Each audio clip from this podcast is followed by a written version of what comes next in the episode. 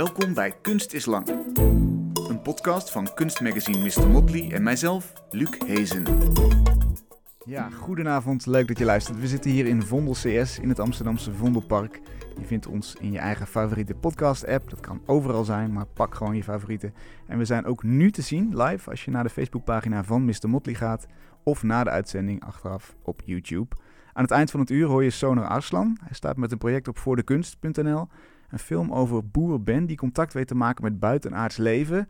Totale onzin natuurlijk, totdat de journalist die hem volgt langzaam maar zeker moet toegeven dat er toch wel rare dingen gebeuren. Daarover straks meer aan het eind van het uur. Maar we beginnen met Verena Blok. Ze maakt foto's en video's waarbij ze mensen dicht op de huid volgt. Voor haar video Robota, te vertalen als werk of baan, filmt ze twee Poolse broers die als bouwvakker door West-Europa trekken om te werken. We zien ze in hun geboortedorp, aan het werk, maar ook aan het zwemmen en terwijl ze elkaars haren aan het scheren zijn met de tondeuze. Er zijn bijna continu beelden van ontblote gespierde lijven in close-up te zien. En daartussendoor zien we diezelfde close-ups, maar dan van stenen standbeelden zoals we ze kennen uit de sociaal-realistische kunst. Het legt een mooie ironie bloot. Diezelfde gespierde arbeiders die vroeger als doel hadden om een socialistisch rijk op te bouwen, die worden nu ingezet als goedkope bouwvakkers in West-Europa in een hyperkapitalistisch systeem om huizen in privébezit op te waarderen. En zo raakt de film nog wel aan meer overkoepelende systemen die effect hebben op het individu dat gevolgd wordt en hun lichamen. Verena, welkom. Bedankt. Leuk dat je er een, eh, bent. mooie introductie. Ik vind het een schitterende ironie. Eigenlijk die spierkracht als toonbeeld van een socialistisch systeem en dan nu in dat hyperkapitalistische systeem. Wanneer ging die ironie jou voor het eerst opvallen? Ehm, ja, dat is niet echt één moment geweest. Het is eigenlijk... ehm, ik ken, ja, die jongens die kende ik al eh, vanuit mijn jeugd. Dus ik heb hun ehm, zien opgroeien ja, in, zeg maar, van jonge jongens naar grote eh, masculine mannen. je, want je moeder is Pools, je vader is Nederlands, hè? Ja, dat klopt. Dus je hebt nog familie daar zitten? ja, dus... Waar, waar is ehm, het in Polen? In eh, Warschau. Mijn moeder die is eh, geboren in Warschau en Mhm. mijn familie woont daar dus ook. Maar het geboortedorp van de jongens is weer in een hele andere regio. Dat is het noordoosten van Polen. Ah. Ehm, ja, een vakantiegebied. Eigenlijk, ja, ik bedoel, het is prachtig daar. Meren, bossen, velden en... eh, ehm, ja, heel veel Polen gaan er ook eh, naartoe op vakantie. En ehm, ja, toen ik vier was, toen eh, gingen we daar voor het eerst heen. Gewoon in de regio met de auto. En eh, toen kwamen we heel per ongeluk in datzelfde dorpje. En ik, ehm, ik heb daar eigenlijk al mijn zomers doorgebracht. Ah ja. Dus Ja. inderdaad, je, je zag ze opgroeien, zei je, zei je? Ja. van, van gewoon jochies waar je mee kon spelen tot, tot masculine eh, macho mannen. Ja. ja, en wat me zo opviel is dat... ja, zodra ze dus echt in jong volwassenen veranderden... eh, want zij zijn iets jonger dan ik... ehm, ja, begonnen zij dus eh, in West-Europa te werken en eh, kwamen zij dus iedere zomer terug. En dan dacht ik, oh ja, dan kun- kunnen we nu eindelijk Engels met elkaar spreken. Want ik, had, ik heb dus daar Pools geleerd Oké. eh, met hun. Door gewoon met hun, ja, met elkaar te voetballen en rond te rennen en met de tractor en zo. Dus, ehm, dus ik dacht, nou, dan kunnen we nu Engels praten. En dan hebben ze, zijn ze in Londen geweest, in het Duitsland. En eh, is hun, zeg maar, ja, hun horizon verbreed. Zo'n hele westerse gedachte is dat natuurlijk, om dan op die manier zo... Ja, Ehm, ze zijn gegroeid als persoon. Ja, eh, Ja. maar toen kwamen ze terug en toen ehm, ja, waren ze eigenlijk heel angstig en eh, heel gesloten en ehm, ja, heel xenofobisch. Eigenlijk heel erg, ja, zoals de retoriek in Polen nu ook is. Namelijk, Ja, xenofobisch en ehm, heb je een voorbeeld? anti-EU. Ja. Ehm, ja, er zijn zoveel voorbeelden. Het is, het, is, ja, het is echt een land vol contrasten, want dat is ook... ehm, nou ja, die xenofobie... ik denk dat het... ja, bijvoorbeeld met de hele vluchtelingenstroom... Zij Polen heeft geen enkele eh, vluchteling uit het Midden-Oosten bijvoorbeeld toegelaten. Omdat ze dus zeiden, ja, eh, wij hebben al heel veel Oekraïense immigranten, vluchtelingen.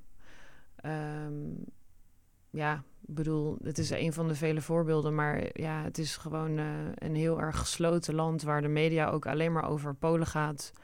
Ehm, ja, dus eigenlijk gebruik maken van de EU, maar tegelijkertijd anti-EU zijn. Ehm, maar goed, ja. En, en maar, dat, dat vond je ook terug in die twee broers? Want nou ja, ja, dus om terug te gaan naar die broers. ehm, eh, ik had dus eh, gesprekken met hun over hoe ze het vonden om daar te werken. En ehm, ja, wie ze ontmoeten en gewoon hun ervaringen. Gewoon in het buitenland, omdat ik gewoon benieuwd was. En ehm, ja, en ik, ik werd gewoon steeds meer gefascineerd eh, door die verhalen die ze mij vertelden. Maar ook, ze waren ook gewoon heel absurdistisch bijna. Dat je denkt van, is dit echt zo? Of is dit, heb je dit gehoord? Of heb je dit nou echt meegemaakt? Nou ja, ik was gewoon heel erg gefascineerd daardoor. Maar we hadden ook ehm, heel vaak discussies. Van welk eh, voorbeeld dacht je, is dit echt zo? Of, of is dit... Ehm, nou, in de, in de film is er een voorbeeld ehm, van eh, een van de broers die dan vertelt over dat hij dus ehm, ja, eh, kluste bij een, eh, bij, in een huis in Londen. Ehm, en dat hij dus een foto zag van een man in de jungle, van een zwarte man in de jungle. Die, die hing aan de muur en daar werd hij dus heel bang van Met van twee die foto met twee Kala- Kalashnikovs in zijn handen. En hij Nog kon er. detail die... Ja, ja, ja, ja, ja, is allemaal heel gedetailleerd. Ja. Ehm, ja, en dat vond hij gewoon zo eng. Ja. Terwijl ik denk, ja, je loopt een kamer binnen en je ziet een foto met, ja, oké, misschien denk je, ja, dat is wel gek, maar ehm, de angst die gewoon ehm, daaruit kwam, dat vond ik, eh, ja, ik vond het gewoon zo. ehm, Je dacht, dat, dat moet een bredere oorzaak nou, hebben ik vond het ook ontroerend. Maar ik bedoel, het is natuurlijk. Ik vond het ontroerend omdat zo'n enorme man, eh, zo'n enorme grote man, dan bang is van een foto. Dat, dat vond ik gewoon een soort heel paradoxaal, omdat je dat niet zo erg van hem zou verwachten. Dat hij Mhm. dan eh, zo geïntimideerd zou raken door een foto. Ehm, maar goed, ja, het, het waren dus een heleboel van dat soort eh, verhalen. Ja. En ehm, ja. Dus, En, en hoe kom je dan op die tegenstelling? Want, want dit snap ik, hè. je hebt een, een, het is een jeugdverhaal, je kent die mensen, je, je ziet ze opgroeien en ze gaan een andere richting op eigenlijk. Mhm. Wa- Waar jij misschien steeds ruimdenkender wordt, in onze termen gedacht, eh, ga, ga- sluiten zij zich meer? ja. Hoe, hoe, hoe kom je dan op de parallel tussen dat, dat, die sociaal-realistische kunst en hun, hun potige lijven, om het zo maar te zeggen? Ja, hoe ik daarop was gekomen. Ehm, ik weet het eigenlijk niet meer hoe ik daarop ben gekomen. maar, maar, die, eh, maar die sculpturen die zijn gewoon in Warschau. Het zijn er niet heel veel meer. Want heel veel eh, sculpturen uit het socialistisch realisme zijn eh, ja, vernietigd of gestolen na de val van de, van de muur in 89. Maar er zijn er nog een aantal in het centrum. Die, ja, die kun je gewoon zien. En ehm, ik liep daar heel vaak langs. En, en ik zag die lichamen ook precies hele grote masculine lichamen die toevallig ook met dezelfde gereedschappen soms ook in hun handen ehm, staan, die sculpturen. En dat waren dan ook vaak gewoon gereedschappen die, die de jongens ook gewoon gebruikten om eh, beton te mengen en Ja. nou ja, gewoon om te klussen. Hamer, wil, zulke soort dingen. Sorry? Hamer, pikko, Ja, ja, precies, ja. Ja, dus die zag ik en ehm, ja, en ik vond dat een heel mooi ehm, parallel. Hoe, hoe Ehm, wordt er daar naar die beelden gekeken eigenlijk? Is dat een soort van reliquie uit het verleden? Of hebben die nog een soort vanzelfde betekenis in Polen? Hoe wordt er naar gekeken? Ehm, ja, goede vraag. Ik kan, ik weet, dat weet ik eigenlijk niet zo goed. Ehm, ja. Mm, Het is blijkbaar niet zo dat ze weg moeten. Ze hoeven niet... ge- ge- eh, nee, ja, ik denk dat, dat misschien die beelden... Ja, ik weet ook niet hoe het zou zijn als ze, stel ze er allemaal nog zijn, of ze dan allemaal ook bewaard zouden. Ja, ik heb geen idee. Nou, ja, de, nou heel, veel, heel veel van die beelden zijn ook bewaard in musea. Hmm. Ehm, bijvoorbeeld in Pałac Kultury, in het Cultuurpaleis in, eh, in Warschau, zijn ook nog eh, een aantal beelden aan de buitenkant. Maar ja, voorheen waren die ook heel veel binnen in dat gebouw. Het is een heel mooi gebouw. Maar die zijn allemaal weggehaald. En, en van heel veel beelden zijn ook, eh, weet ook niemand waar ze heen zijn gegaan. Nee. Dus dat blijft ook wel heel mysterieus. Oké. Maar ja, Maar ze zijn dus nog te vinden in het Ja. straatbeeld, her Ja. en der. En zijn het, denk je, ook beelden die dan cultureel gezien doorspelen? Nou ja, dat, dat beeld van, de, van het mannenlichaam die werkt, dat, dat was dus toenertijd ehm, het lichaam dat ehm, ja, de staat zou opbouwen. Dus er, werd heel, er was een hele andere betekenis voor dat werkende lichaam. En dat werkende lichaam nu, dat zijn dus werkende arbeidsmigrantlichamen die weer, ja, die hebben gewoon een, die, ja, die bestaan, die hebben, die hebben een leven van permanente onzekerheid. Ja, ehm, en veel van die mensen willen ook niet per se in het buitenland werken. Ik bedoel, ze willen liever gewoon, ik bedoel, die jongens die willen, die zijn het liefst in hun geboortedorp. Ja. Maar je kunt nou helemaal meer geld verdienen als je in Londen een Precies. appartement opknapt. Ja, Dus dus dan dat je even afzien vaak. Ja. Maar eh, niet voor iedereen hoor. Er zijn ook gezinnen die gewoon daar eh, een leven stichten en zo. Maar Ja. ehm, voor veel van hun is het gewoon ehm, ja, iets wat je moet doen om een leven dan in Polen op te bouwen. ja. Ja, Wat me ook eh, eh, trof daaraan eigenlijk in die overeenkomst is dat het eh, in beide systemen zou je kunnen zeggen een soort van spierbundels zijn zonder al te veel gezicht. Het is gewoon een soort van anonieme werkpaarden die eh, ja, ingezet worden om eh, een, een hoger doel te bereiken. Ofwel voor, voor een eh, socialistische maatschappij, ofwel Ja. voor iemand die een, eh, een paar euro meer per uur betaalt. ja. Zijn, Mhm. het, zijn het slachtoffers, zou je ze zo zien? Ehm, nou, ze, ja, die jongens die zijn zeker slachtoffer van eh oor, oor- vooroordeel, maar die verspreiden ze zelf tegelijkertijd ook over anderen. Ehm, dus in die zin zijn ze een slachtoffer. Maar of bedoelde, bedoelde nou, je ik, iets ik anders? dacht eigenlijk, de- de- de- je zou bijna kunnen zeggen, gedurende de, de, welke periode van de geschiedenis je ook zit. Het, het, zijn, eh, het zijn deze mensen die eh, bijna achterloos voor een doel worden ingezet. Of, ofwel voor de mensen die meer geld hebben, ofwel voor de mensen die een, een, een, een maatschappij proberen op te bouwen op bepaalde ideologische gronden. Zijn altijd eh, domme werkkrachten, om het zo maar te zeggen. Ehm, nou, ik zou niet zeggen dat ze domme werkkrachten zijn, maar ik, ik denk dat ze gewoon worden ingezet ehm, door dat, ja. Nou ja, je, je noemt het, het woord werkpaarden, want het was toevallig, want ehm, toen ik het, ja, hoe ik op die film gekomen was, was eigenlijk door een scène ehm, die ik zag gewoon voor me. Ehm, van een van die mannen die eh, een paard eide. En ik vond dat zo mooi en zo ontroerend dat dat grote lichaam, dat hele grote ja, macho man, dat die ook een andere grote spierbundel aan het aaien was. Maar het was met zoveel liefde en aandacht. En toen dacht ik van ja, en nou ja, later toen ik eh, al verder was in het project, dacht ik ook van ja, het zijn ook eigenlijk een soort werkpaarden voor, eh, ja, voor hun eigen land, voor hun eigen economie, maar ook voor zichzelf. Want ehm, het is gewoon iets waar ze, waar je niet per se voor geleerd hoeft te hebben, maar het is gewoon werk waar je meer mee kan verdienen in, eh, ja, in een West-Europese economie Ja. dan in Polen. Maar is het zo dat je... Kijk je er met medelijden naar? Of denk je gewoon, nou, dit is gewoon hun leven, daar hebben ze voor gekozen. niks? Nee, nee, zeker niet met medelijden. Het is, ehm, ik, ehm, ja, zij willen ook net als ik ook gewoon een leven opbouwen. Dus eh, ja, dat kan je in de kunst doen. of je kan het eh, als klusjesman doen. Wat, Ja, eh, Verdien je meer? Ja, Waarschijnlijk. ja, we zijn eigenlijk ehm, in hedendaagse kunst, zeker de laatste jaren, heel veel bezig met het opsporen van objectificatie. Hè? Wo- Worden bijvoorbeeld vrouwenlichamen niet in beeld gebracht alleen maar vanwege hun lichaam? Dat lichaam speelt een heel belangrijke rol in jouw Ja, films. klopt. Je ja. zit er heel dicht op, je zit echt met zinnelijke beelden ben je bezig. Je ziet de zweetdruppels op de ruggen. Mhm, Eh, ook een soort van objectificerende blik. Waarom mhm. heb je daarvoor gekozen? Ehm, nou ja, ik heb die jongens eh, eigenlijk in de jaren daarvoor eh, heel, heel lang gefotografeerd. En ehm, ja, en op een gegeven moment toen, eh, toen was ik die foto's aan het printen en die foto's die kwamen gewoon niet meer echt tot leven voor mij. En ehm, ja, ik miste heel veel. Ehm, ik was echt op, ik was eigenlijk op zoek naar een soort diepere ontmoeting tussen kijker en onderwerp. Mhm. En toen had ik een camera gekocht en toen begon ik gewoon eh, heel eh, ja, nonchalant met filmen. En, ehm, en het eerste wat ik filmde was, eh, was een van die broers die op een steiger stond en die was ehm, de luik aan het schilderen.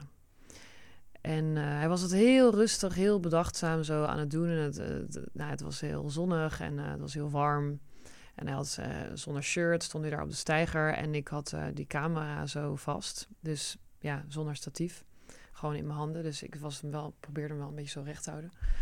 Ehm, en toen keek ik dat terug en ik dacht, ja, ik, ik voelde echt dat ik naar hem keek en dat hij bekeken werd. Dus die film gaat voor mij ook heel erg over kijken en, en bekeken worden en hoe we ook naar elkaar kijken. Mhm.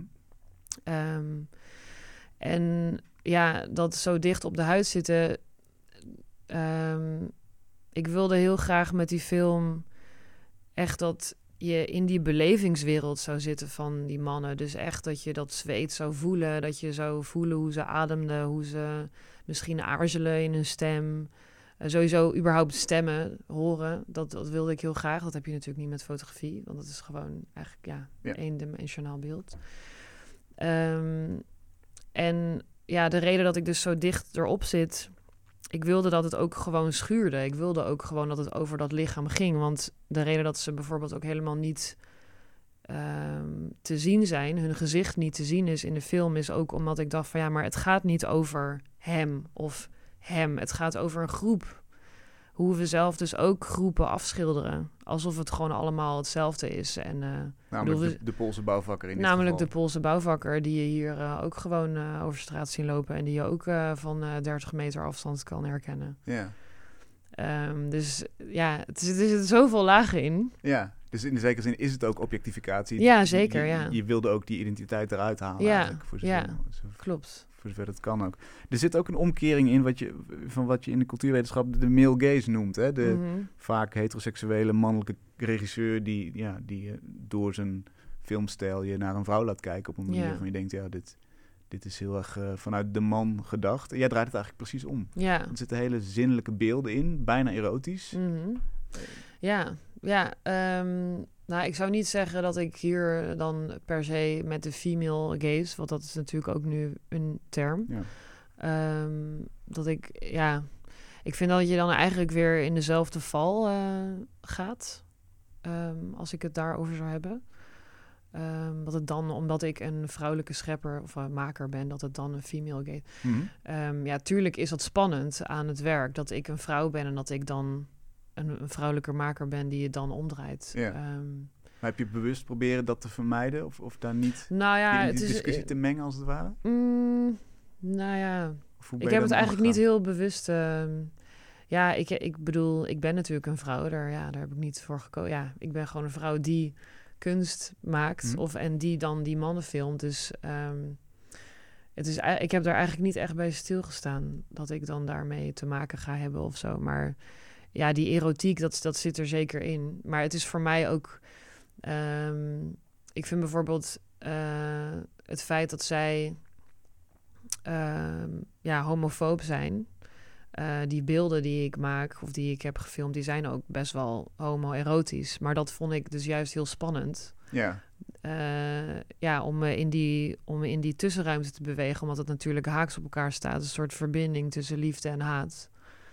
Ehm, ja, ik vond dat heel spannend. Wat eigenlijk gek ook is, dat, dat überhaupt ontblote bovenlijven iets homoerotisch zouden hebben. Dat is Mhm. natuurlijk ook wonderlijk, want ja, waarom, waarom zou dat homoerotisch moeten zijn? Het kan natuurlijk ook hetero-erotisch Ja, zijn. zeker. Of- Ja, ja, ja, ja. Nee, maar er zijn natuurlijk, ik bedoel, er- zijn wel, nou, eh, er, is, een- ja, er zit wel in de film een, eh, een uitspraak die hij doet over een eh, kamer vol met piemels. Ehm, ja, en, en Moet je even uitleggen, hij, was bij een doofstomme homoseksuele man in ja, huis. klopt. Hij vertelt dan dat hij een kamer binnenliep eh, en de eigenaar van, die, van het huis was van een doofstomme homoseksueel. Homoseksuele man. En hij liep naar binnen en toen zag hij dus allemaal, allemaal objecten met piemels. Maar gewoon een lamp. Nou, ik weet niet eens meer. Ehm, Foto's aan de muur. ja, en- sowieso ja. tekeningen aan de muur en Mhm. een lamp en een- een sh- nog iets anders. En ehm, ja, en ik zag dan hem zo be- zich zo bewegen door, dat, door, dat- door die kamer vol met piemels. Ehm, ik, ja, ik vond dat gewoon heel absurd. En dan ook weer met dat lichaam. Ja, die en hij dan, zegt ook, ik, ben bang dat, ik was bang dat ik besprongen zou worden. hè? ja, ja, Dus dat is ook een beetje zo'n zo'n macho, eh, ja, flauwe uitspraak heel eigenlijk. flauw. Ontzettend flauw, ja. Terwijl die dan een paar minuten daarvoor in de film nog zegt... ik, ik geloof niet in stereotypen en stereotypen zijn voor domme mensen. Exact, ja. dus die, ook die tegenstelling is, zit, er weer, eh, eh, zit er weer royaal in. Ja. Wat, wat, wat zegt jou die tegenstelling? Ehm, ja, dat het, allemaal, dat het allemaal niet zo absolutistisch is als we denken. Ik denk dat we heel veel, ik denk dat we allemaal heel vaak ehm, zich, ja, onszelf tegenspreken met dingen. Eh, dit is wel goed, maar dit is dan weer niet goed. Ja. Ehm, ik denk dat dat heel menselijk is. Ik denk eerlijk gezegd niet dat zij het doorhebben. Ehm, maar ja, het is- ja, ik denk dat het heel menselijk is om, eh, om niet altijd. eh, niks kan ook altijd eenduidig zijn, denk ik. Ja. Nou, ik dacht ook vooral, eh, hoe kun je inderdaad aan de ene kant zeggen dat stereotypen onzin zijn en voor domme mensen zijn, en het blijkbaar van jezelf niet doorhebben. Ja, Toen dacht ik wel, de volgende stap is eigenlijk dat misschien helemaal niemand dat kan. Misschien Mhm. denkt iedereen wel van, nou, op mijn eigen manier ben ik goed bezig. Maar ja, is dat helemaal niet zo? Is dat, is, is, is, is- denk je er ook op zo'n manier over? ja zeker. Ik denk dat, maar ik- dat, ik wilde ook graag met dat werk bereiken dat mensen het zouden zien en dan zouden denken: ja, hoe, hoe kijk ik eigenlijk? Of hoe kijken mensen naar mij? Of ja, hoe, ja, hoe, eigenlijk hoe je na gaat denken over je buitenkant. Ehm, ja. Ben jij iets nieuws over die lichamen te weten gekomen door, door dit zo te monteren? Heb je, heb je, de, je bent er natuurlijk anders naar gaan kijken. Over hun lichaam. Ja, of over het lichaam. Of, Ehm, over het lichaam in het algemeen. Nou, ik blijf het wel een fascinerend eh, gegeven vinden. Ik, ik bedoel, ja, ik kom er eigenlijk nu pas achter dat ik dat, dat ik dat lichaam eigenlijk altijd, dat het eigenlijk altijd al in mijn werk zit. Ik wil bijvoorbeeld nu heel graag ehm, een eh, nieuwe film maken. Ik weet niet wanneer, maar ik wil dus heel graag een nieuwe film maken over middle-aged women. En dat gaat ook weer, dat gaat toch ook weer over het lichaam. wat wat Maar is weer- het idee? Vertel. Nou, er is nog, ja, ik, ik kan er niet wel heel veel over vertellen, maar ik heb dan, eh, vaak is het dan zo dat ik, ehm, ik zie dan gewoon, een, ik zie dan heel veel scènes voor me, want ja, ik ben gewoon een beeldmaker, dus dat is gewoon de enige taal die ik eh, goed spreek. Ehm, dus ik, ehm, ik, eh, ik, ja, ik schrijf dan gewoon, of nou ja, ik teken dan gewoon scènes uit van wat ik dan wil zien, maar ik heb nog geen idee waar het over gaat. Ik heb ook, deze film heb ik ook, eh, ik had gewoon heel erg een gevoel en een soort intuïtie. Dat is eigenlijk de enige manier waarop ik weet hoe ik moet werken. Gewoon heel intuïtief. Ik denk Mhm. dat veel andere makers dat ook hebben. Ehm, ja, dat je gewoon een soort eh, beeldtaal achterna gaat. Of ehm, ja, gewoon door te maken dan weer verder komt. En hoe zou je dat voor deze film verwoorden? Wat voor beeldtaal is dat? Waar zocht je naar? Van, eh, van de jongens. Ja. Ehm, nou, ik, ik wilde hun heel graag filmen terwijl ze aan het werk waren. Dus ik heb dat ook, eh, dat is eigenlijk ook hoe ik hun heb verteld wat ik wilde maken. En ook eh, hun vrienden of, eh, nou ja, gewoon ooms en tantes als ze dan ook daar een keer waren. Dat ik een film aan het maken was over werkende mannen. Gewoon heel concreet. En dat is, dat is eigenlijk ook wat ik heb gedaan. Ik heb hun ook gewoon gefilmd terwijl ze aan het ver aan het schilderen waren. En ehm, nou ja, allemaal dingen in het huis, rondom het huis en zo waren Mhm. doen. Mhm. Ehm, dus dat, dat was eigenlijk ehm, het beginpunt. Maar zij zullen toch ook zien dat het niet een, een recht toe recht aan documentaire is over nee, ja, dat mensen die beton aan het mixen zijn. Nee, nee, natuurlijk niet. Nee, want ik heb ook tegen hen gezegd van... ik wil ook graag met jullie praten over hoe het was in Londen. Ja. En, eh, en eh, nou, dan gingen ze eerst tien sigaretten roken... en dan daarna met mij eh, praten. Wa- waarom? Tien Nou, seconden? gewoon heel Ah, zenuwachtig. oké, zenuwachtig, ja. Want ze weten, ja, oké, maar Verena gaat het opnemen. Ja, Ja. wat natuurlijk ook zo is. Maar zij zijn eigenlijk helemaal gewend dat, dat ik hun film, dat ik hun fotografeer. Ik bedoel, ik ben gewoon hetzelfde voor hun. Ik ben niet fotograaf en vriendin. Ik ben gewoon één ding voor hun. Mm. Ehm, en ze hebben mij ook heel vaak die verhalen die in de film zitten ook verteld. Maar dan gewoon, eh, ja, een keer op een bruiloft of zo. Of eh, Ja. een keer op de stoep of ik weet niet. Maar nu wilde ik het gewoon ehm, ja, opnemen. En grappig inderdaad, want dan komt er een ander publiek bij. Het kunstpubliek gaat er naar kijken. En dan ehm, is maar sterk de vraag of zij doorhebben in welke context ze terechtkomen natuurlijk. Als Ja, je zegt die film gaat over kijken en, en naar gekeken worden. Ehm, dat, dat wij daar ook met een oog naar kijken van hoe homovriendelijk is iemand. Of hoe xenofoob of hoe... eh, hè, hoe, in hoeverre kiest iemand ervoor om, om, om arbeidsmigrant te zijn of zo? Ja, ik denk eerlijk gezegd dat ze daar niet heel erg veel mee bezig zijn. Met, Nee. eh, Dat, dat is heel interessant, toch? Ja. Dat er ook een soort van andere lagen op afgevuurd worden. ja, ja. Ja, maar ik, ik bedoel... ehm, ik denk... ehm, ja, dat ze... Nee, ik denk niet, niet dat ze daarmee bezig zijn. En Dus jij als, zijn- als maker? Want eigenlijk heb, is, zet jij hen natuurlijk ook in om die film te maken. Hè? Het, Ja. zijn, het zijn vrienden, maar het zijn ook Ja, je personages. ja. Eh, Ja, ja, dat klopt. Ik zet hun in inderdaad, omdat ik een verhaal wil vertellen. Maar dat doen ze dan wel voor mij. Ja, ja, maar ook alleen omdat, omdat ik die band met hun heb. En die band is ook... ehm, ik bedoel, het is niet een eenrichtingsverkeer. ik zou ook niet weten hoe ik een werk zou moeten maken met iemand die ik eh gisteren heb ontmoet of zo. Of dat het dan af moet zijn of zo. Ik bedoel, dit is... eh, ja, in mijn eerdere werk heb ik ook eh, gewoon... Het is teruggaan naar een plek en een vriendschap opbouwen en ehm, elkaar vertrouwen. En ehm, zij hadden mij ook nooit die verhalen verteld als, mij, als, als ik er niet was geweest. Dus ehm, nee, ja. nee, dat kan ook niet. En, en eh, eh, overzien zij eh, de mogelijke betekenissen van zo'n film? Mm, je bedoelt hoe ze het lezen? Ja, ja, nou, ze zijn best wel veel met, eh, ja, bezig met eh, wie staat er op de foto, waar is het gemaakt. Ehm, maar niet. ehm, ja, zij zien, zij lezen niet de beelden zoals ik ze lees. Dat klopt. ja, Ja. Maar dat is ook oké, ja. Jij zal het ook anders lezen dan ik. ja. Maar, ehm, ja, maar ook zelfs de foto's die ik van hun maakte, die in de jaren ervoor. Ehm, en dan zijn er gewoon foto's, geen ingewikkelde geluid of eh interviewdingen. Het is gewoon een beeld.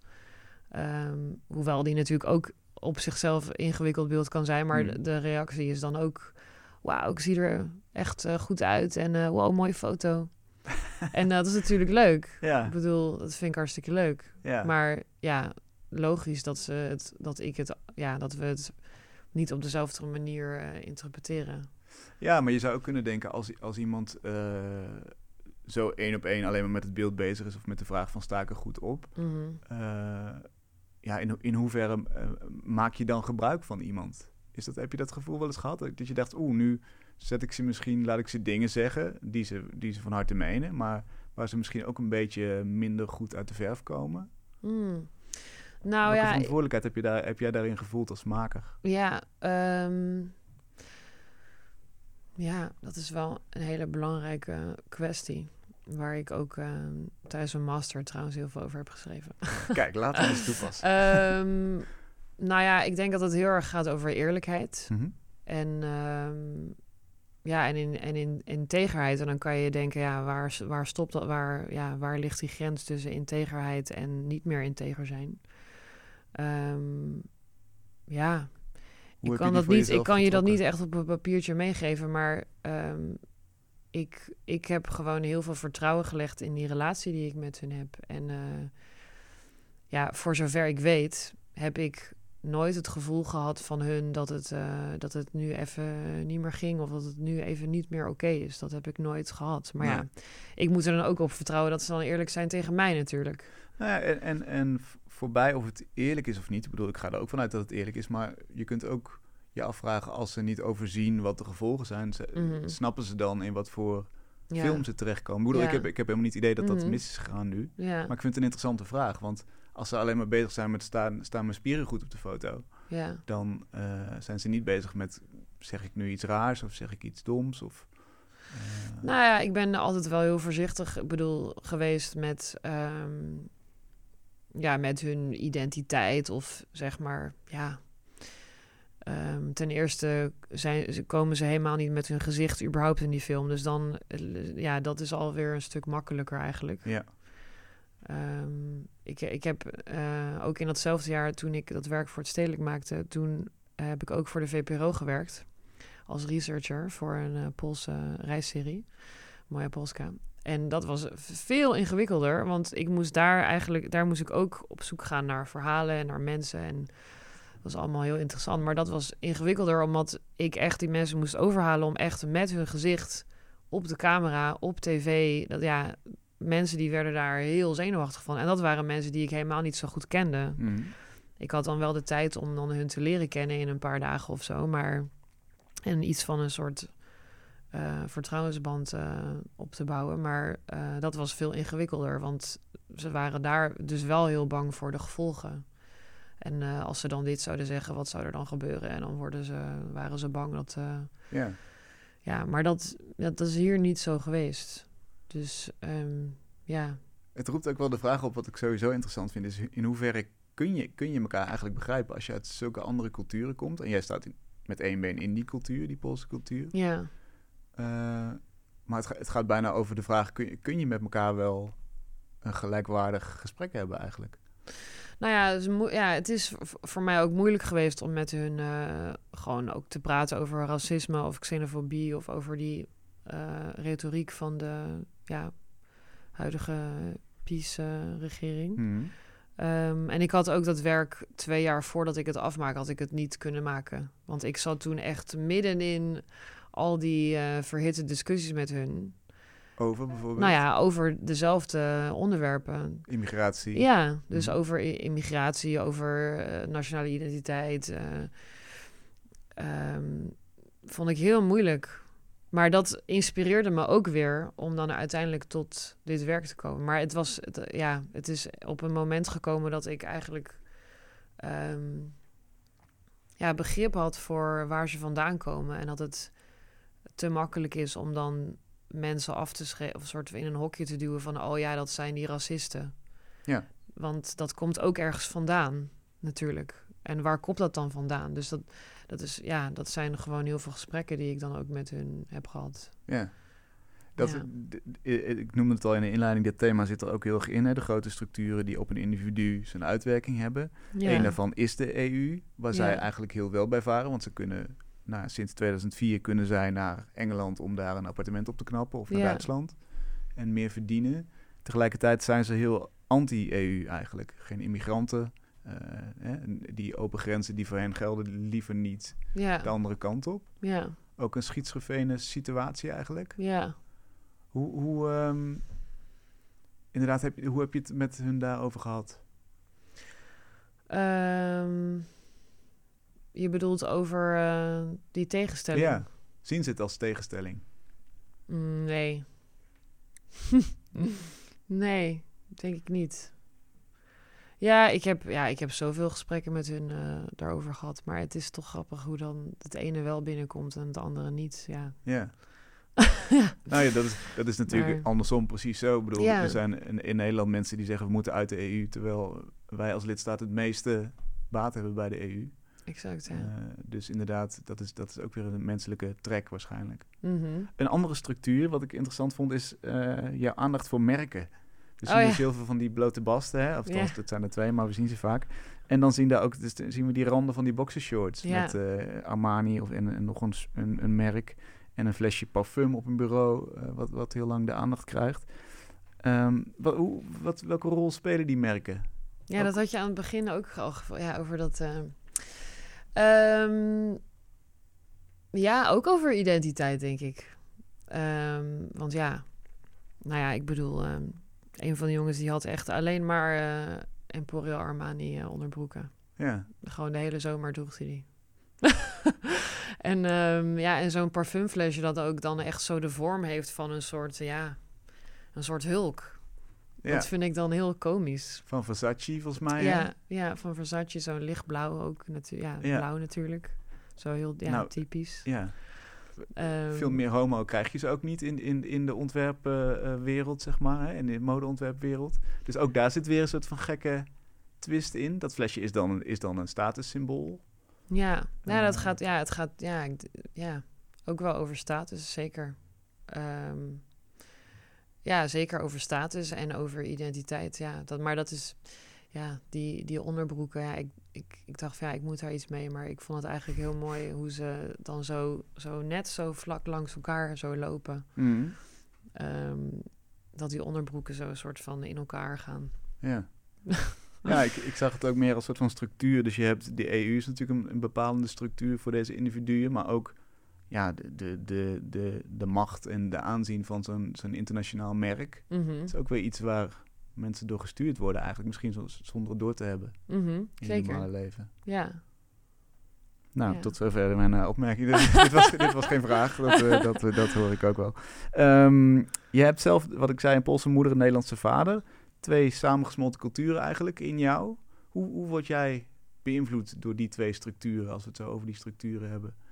Ja, ehm, nou, ja, mijn moeder is dus in Warschau geboren, maar zij is eigenlijk al op hele vroege leeftijd, of eh, sorry, jonge leeftijd, eh, ja, in, toen ze in 24 was, is ze naar Amerika geëmigreerd. En daar heeft ze eh, ja, eigenlijk haar hele leven opgebouwd, ges- gewerkt, gestudeerd. Ehm, en dus ik heb daar in het begin van mijn leven met haar gewoond. Mhm. En toen zijn we naar Nederland geëmigreerd. Ehm, en ja, ik sprak toen geen Nederlands. Mijn moeder sprak toen geen Nederlands. Dus ehm, ik heb me eigenlijk altijd een beetje... Ja, een soort binnenstaander en buitenstaander tegelijkertijd gevoeld. Hoe oud was je? Eh, ik was vier toen we hierheen verhuisden. En ehm, ja, dus het is eigenlijk een soort van een ja, onderdeel geworden, geworden van eh, ja, wie ik ben, denk ik. Ja, een beetje zo ertussen bewegen. En het, ja, ik vond het ook een hele fijne positie om, ja, om dan vanuit daar werk te maken. Eh, om, ja, want ik, ik, ja, ik spreek dan Pools, dus niet zo goed als mijn Nederlands. Maar ik voel me daar comfortabel genoeg om eh, me daar te bewegen. Maar in Nederland was ik, toen ik tiener was, vond ik het hier verschrikkelijk. En dan had ik zo'n identiteitscrisis. Van, ja, ik moet naar Polen. Of ik moet misschien wel naar Amerika. Want daar zijn we, daar zijn we begonnen. Maar toen gingen we weg. Nou ja. Ehm, en ehm, ja, ik, ik ben natuurlijk mijn hele leven naar Polen ge- teruggegaan om eh, mijn familie op te zoeken. En we hebben dus dat huis daar.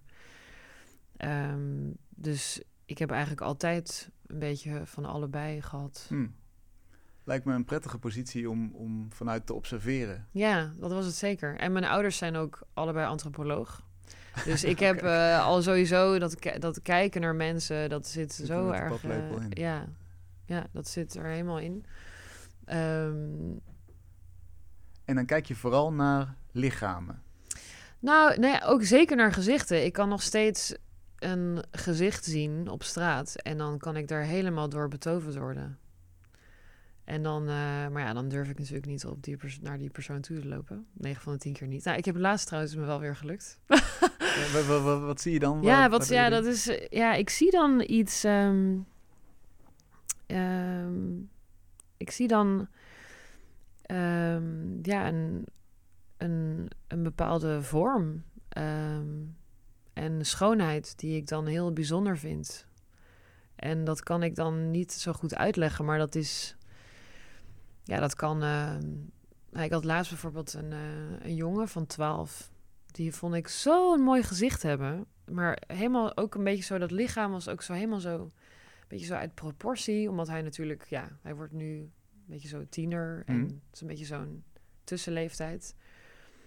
Ehm, en hij zat zo een beetje zo te leunen tegen een muurtje. En ik dacht, ja, het is zo mooi. En toen heb, toen heb ik, dan ben ik toch naar hem toe gegaan. Heb ik gezegd, mag ik, ja, nou had ik heel snel even in eh, drie minuten gezegd wie ik was. Ehm, en dan is het altijd even afwachten of mensen denken van... oké, dit is echt super raar, eh, doei. Ja. maar ik vond het heel erg leuk. Ehm, dus ik ga hem binnenkort eh, op de Rijks ga ik hem fotograferen. En ja, dus nee, maar ik heb, ik, heb al, ja, ik heb eigenlijk altijd wel iets met gezichten gehad. Dat, eh, dat, eh, maar ook dat mijn vriendinnen zeggen, ja, echt? En dan zeg ik, ja. Maar ik, ja, ik vind dat dan... Er, zit dan iets in wat ik... Een soort schoonheid dat wringt of zo. Ehm, ja, maar ik heb het ook bijvoorbeeld... Ik was eh, in de zomer was ik in Bosnië voor een residency. En toen was ik op het strand. Of in Kroatië was dat. En, en dan zag ik zo'n vrouw. En eh, een, eh, een oma. Gewoon oudere vrouw met eh hele grote vrouw. Met een zwart badpak en dan zo'n zonnebril. En zo'n sigaret in haar mond. En dan al die kleinkinderen schreeuwen om. En, en ze had alles helemaal, ze had alles in de gaten. En ze was, ja, jij moet hier komen. Jij gaat daar niet afspringen. En dan had ze allemaal koekjes en die ging ze allemaal uitdelen. En dat vond ik dan echt zo mooi om te zien. En dus zo'n scène kan bijvoorbeeld ook gewoon helemaal, weet je wel, dat, dat, dat, heb ik dan zo erg in mijn hoofd dat ik dat, uh, dat ik dat dan zo mooi vind. Ja. En daar zit nog niet echt een rode draad in, tenminste, ik zie nee, hem nog niet. Um, nou, niet met het, nou ja, bedoel dat jongetjes, ja, voor mij zit daar wel, het, het is allemaal voor mij met elkaar verbonden. Hoe? Wat is de rode nou ja, kijk, ik bedoel, die, terwijl het, ja, je zou juist denken, het, zijn, het is niet met elkaar verbonden omdat ze niet op elkaar lijken qua lichaam of leeftijd. Maar het zou natuurlijk ook gewoon een hele grote familie kunnen zijn. Waar die oma een soort archetype babtja is. En dan met haar kleinzoon van 12, die dan daar ook is. Ja, nou ja, ik bedoel niet per se dat het allemaal in hetzelfde werk komt. Maar mm. um, ik, ik vind het ergens ook wel logisch dat dan ik nu een werk heb gemaakt over die jonge, die sterke mannenlichamen. En dat mijn volgende project dan gaat over een, uh, een vrouw van middelbare leeftijd. Voor mij is dat toch heel logisch. Maar ben, maar ben, je dan bezig om een soort van familie te complementeren? Of wat, nee, wat, niet, wat nee niet per se. Maar het, um, ja, het is, ja, ik weet niet. Ik weet niet hoe ik dat nog eh, beter aan je kan uitleggen. um, ja. Ja, het blijven toch gewoon um, mensen die ik zie in mijn omgeving. Die ja, toch wel um, ja, op elkaar lijken of zo. Ja, ik weet niet. Ik kan niet zo goed uitleggen. Maar wil je dan hun, hun uniekheid als het ware etaleren? Of, of zoek je naar verschillende mensen die normaal gesproken nooit in beeld komen? Wat, wat is je nee, missie? ik heb niet echt. Het is nee, er is niet echt. Ik heb niet echt een soort recept voor. Dit zijn de mensen. Het is eigenlijk. ehm, het is gewoon een. Het is eigenlijk meer een gevoel. Ja, dat klinkt dan heel. eh, jij wil dan natuurlijk dat ik dat ga uitleggen. Heel goed. maar ik kan dat. Ik weet het niet. Ja, ik, ik kan niet zeggen dat ik op zoek ben naar. Als, als jij op zoek zou moeten gaan naar mijn volgende model, dan Hmm. zou ik dat. Dan zou ik denk niet dat ik je dat, dat je dat zou lukken. Ik bedoel, dat is zo, ja. Ik, ik denk dat als jij misschien dat jongetje zou zien, dan zou je denken, ja, het is gewoon een jongetje. Ja. Maar ik zie dan alles in dat jongetje.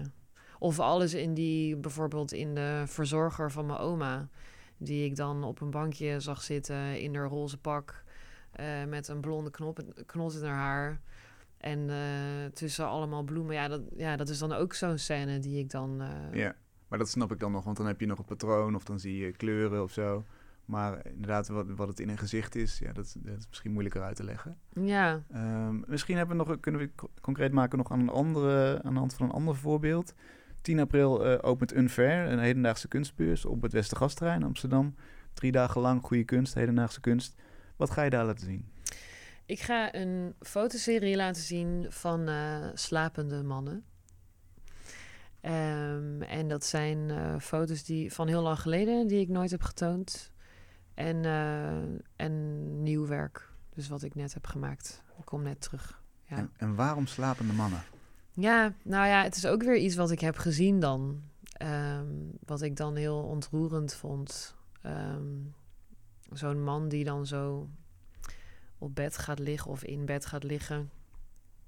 Helemaal omgeven van patronen, letterlijk en figuurlijk. Dus ja, bloemetjespatronen, maar ook in dat patroon waar hij zijn dagelijkse, ja, waar hij dan een soort patroon, ehm, ja, wie hij, dan- ja, zeg maar, wat zijn mannelijke identiteit dan markeert, zeg maar. Dit is ook in Polen bijvoorbeeld? Of Ja, dit is ook, dit is ja? toevallig zijn dit ook Poolse mannen, Mhm. weer andere mannen, maar. ehm, En wat is dan zo'n mannelijk ritueel? Dus het is Nou ja, niet, nou ja, niet ritueel, maar ik bedoel, ik bedoel meer gewoon van eh, het, het patroon waarin die mannelijkheid functioneert. Dus gewoon, ja, man zijn. Ja, ik weet niet. Gewoon Poolse man die eh, gewoon een vrouw heeft thuis en eh, gewoon gewend is aan die rolverdeling of zoiets. Mhm. Niet dat die per se traditioneel is of niet traditioneel, maar gewoon ehm, als man in de samenleving, laten we zeggen.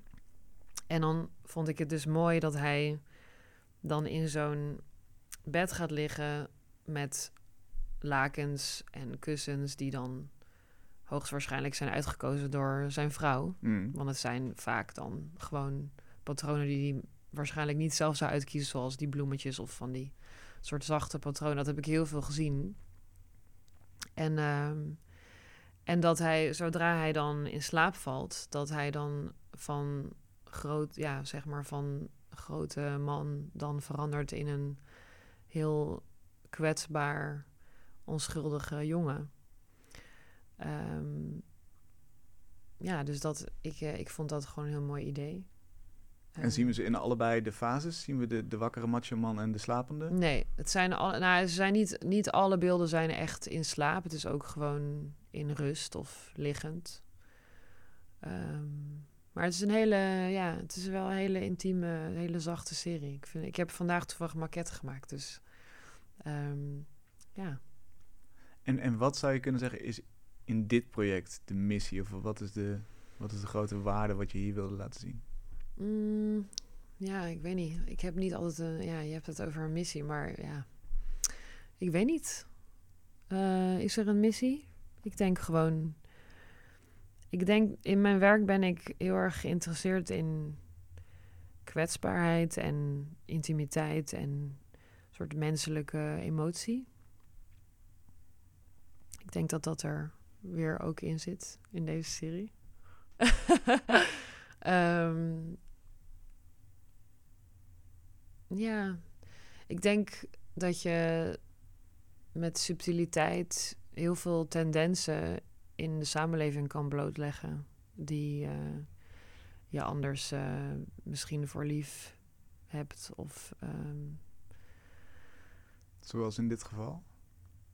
nou ja, nou ja ik, ik weet niet. Gewoon dat überhaupt dat een persoon niet alleen maar dit is. Net zoals die mannen in die film zijn niet alleen maar eh, xenofoob. Ja. Of zijn niet alleen maar. mm, ja, ik denk, ja, ik geloof heel erg in ontroering.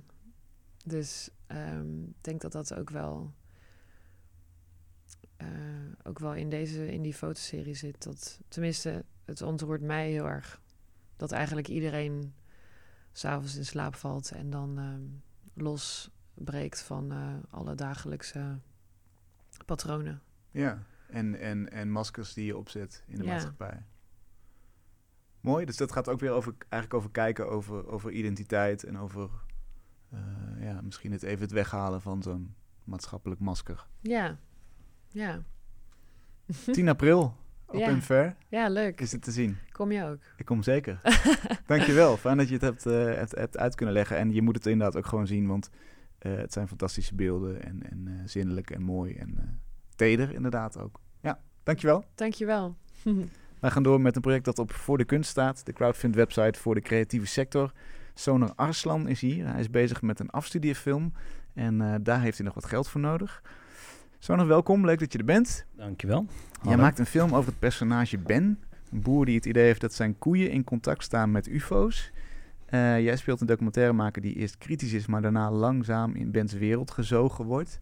Waarom wilde je dat verhaal vertellen? Eh, het is, de film is een satire op documentaires en tv-programma's die ik zelf slecht vind. Of waarvan ik denk van, oh, dat, eh, dat doen ze in mijn ogen verkeerd. Ehm, Noem er eens een. Welke? nou, ik, Man bij het Hond bijvoorbeeld. Dat, die, eh, ze beweren een programma te zijn nou, lichtvoetig, met gewone mensen.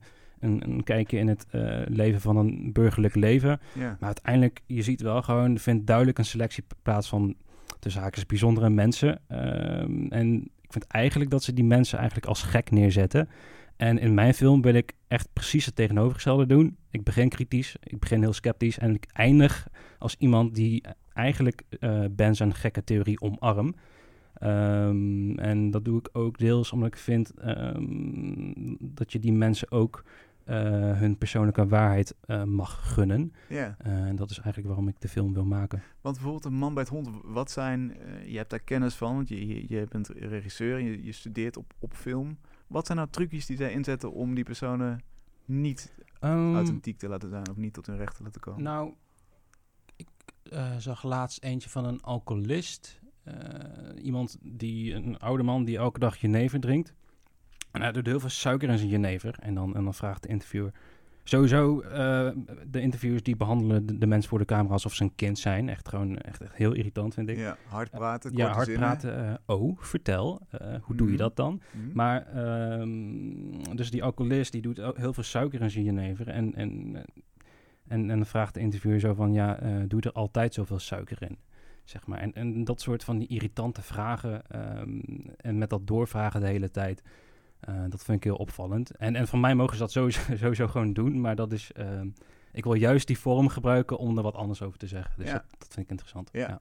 Veel wijde shots valt me ook altijd op, Ja. hè? Van eh, de verste hoek uit de kamer. Mhm. Dat iemand een beetje nietig en, en alleenig lijkt. Ja, ja, ja.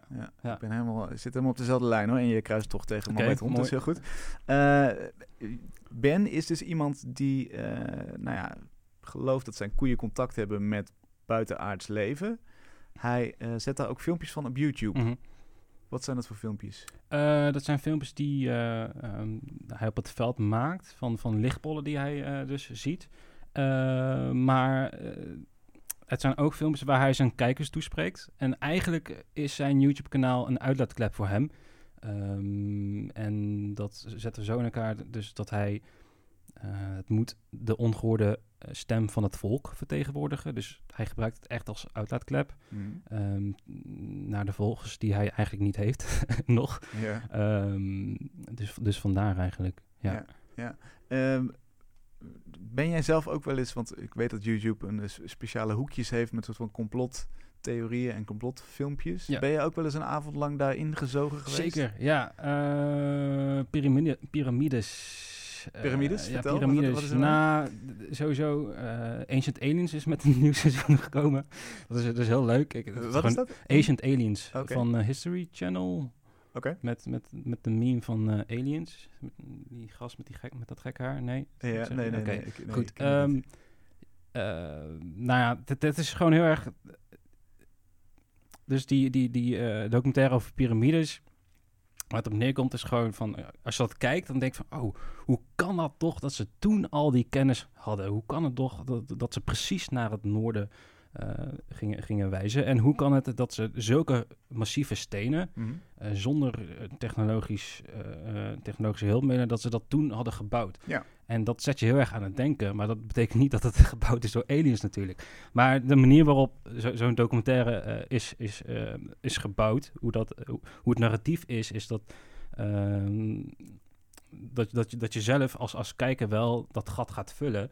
En dat gat is heel makkelijk te vullen door, door aliens. Dus die stap is al heel snel gemaakt. Dus toen betrapte ik mezelf op de gedachte van, oh, wacht eens. Huh? Dat, dat is helemaal niet gebouwd door aliens. Ik bedoel, geef mij eh, 20 jaar en, en 100.000 slaven, dan kan ik ook wel een piramide bouwen. Ehm, dus ja, het is eigenlijk wel de, de piramides. Ehm, maar daar ben ik nu wel overheen hoor. Ik, ik, geloof niet, meer- ik geloof niet meer dat het door aliens is gebouwd. Nee, het is een soort van narratieve truc ook wel. Je Ja. ziet ineens van, oh maar wacht even, als je een verhaal op een bepaalde manier vertelt, Ja, dan is de enige conclusie uiteindelijk dat het aliens zijn. ja, ja, precies. Eh, jij maakt hier een fictiefilm over Mhm. natuurlijk. Er zijn in het echt ook heel veel mensen die zo denken. Klopt. Zie man bij het hond. eh, Ja. Zie eh, de mensen die op YouTube hun eigen volgers hebben.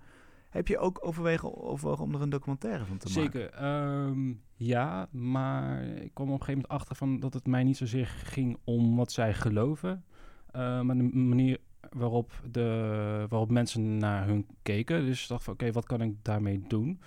Ehm, en toen ben ik dus inderdaad gaan nadenken over ehm, hoe, hoe media met uh, tussen haakjes gekkies omgaan. Eh, en de rol en de verantwoordelijkheid van, van eigenlijk de filmmaker. En eh, het stukje ethiek wat, wat erbij komt kijken. En toen dacht ik van, eh, ja, eigenlijk is, ehm, is het heel interessant om de filmmaker ook als karakter neer te zetten. Mhm. Ehm, en toen ben ik gaan kijken, wat is nou, wat is nou echt, wat zijn de grenzen tussen, tussen fictie en, en documentaire maken? En dat ben ik eigenlijk als vorm gaan gebruiken op een gegeven moment. En daarnaast is fictie gewoon, ja, je, je kan lekker schrijven wat je wil. Eh, En bij documentaire zit je vast aan echte mensen en met echte verhalen. ja. Ehm, dus dat, was eigenlijk de grootste reden voor mijn eh, keuze. En hoe, hoe vind jij dan dat media om moeten gaan met die gekkies? Want eh, nou ja, van, heel veel van heel veel dingen is gewoon toch ook aantoonbaar dat het onzin is. Ja, klopt. Ehm, ja, ik denk dat het belangrijk is om een onderscheid te maken tussen de objectieve waarheid en een persoonlijke waarheid. Mhm. En dat je uiteindelijk wel die, die mensen in hun waarde moet laten. En, en natuurlijk, ik bedoel, Man met Hond is natuurlijk niet uit om die mensen te portretteren als, als eh, gekkie. Ehm, maar de- ja, ik bedoel, er zit wel een bepaald deuntje onder, eh, onder de intro. En eh, er worden wel bepaalde vragen gesteld. Eh, en hoe ze uiteindelijk eh, me- ermee moeten om moeten gaan, ja, dat is, dat is gewoon heel lastig. Maar het is meer de vraag die telkens eh, terug moet komen, wat ik belangrijk vind. Ehm, Welke vraag? nou, hoe, hoe ze die mensen moeten por- portretteren. Mm, en en in hoeverre, wat je kan doen om die mensen in hun waarde te laten. En Mm. dat, dat is wel iets wa- wa- waar telkens over nagedacht moet worden. Vind Je, ik. je kan Ja. ook zeggen, je moet, je moet ze dan gewoon niet in beeld nemen. Ja.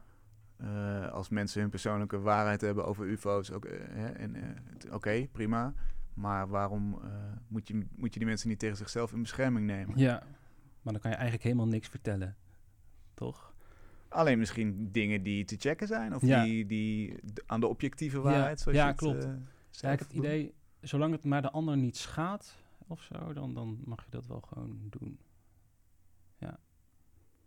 Oké, en, en, en in dit geval, die fictie gaf jij meer ruimte om er echt een mooi verhaal Ja. te maken. En, eh, Zeker, ja. En, en vooral, ehm, want ik ben beginnend filmmaker en ehm begin steeds meer te ontdekken van oké, dus de, de rol van de filmmaker in de, eh, in de film, dus, dus mij als interviewer in dit geval, mhm. eh, dat is een leuk trucje om eh, ehm, mee te spelen. Dus nu bijvoorbeeld begin ik de film als een poging tot do- documentaire portret.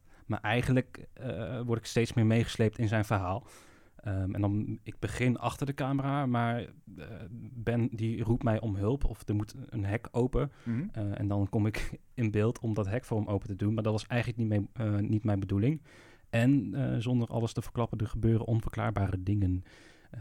waardoor ik helemaal niet meer om zijn theorie heen kan. Kijk, Ehm, dus dat is, dat is leuk.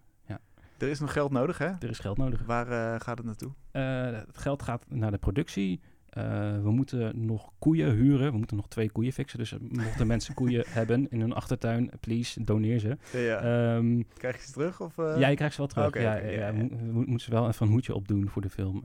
maar dat, is, dat, is, dat kunnen we nog wel bespreken. Aluminium hoedje is dat? Aluminium hoedje. Ehm, en ja, dat en de locatie en de crew moet eten krijgen. Ehm, dus daar gaat, dat kost allemaal geld. Als je een crew van 10 man hebt, dat, dat kost monies. Ja, snap ik. Dankjewel. Eh ga naar voordekunst.nl slash...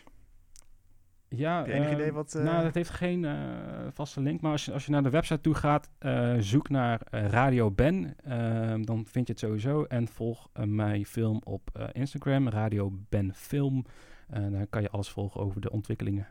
Okido. Dankjewel. Leuk dat je het wilde uitleggen. Yes. Tot zover Kunst is Lang van deze week. Volgende week zijn we er weer. En dan zit hier tegenover mij fotograaf Hans Eikelboom. Hij richt zich op eh, speciale patronen in mode op straat. Al heel lang. Dus eh, heel leuk om daarover te praten. Graag tot volgende week.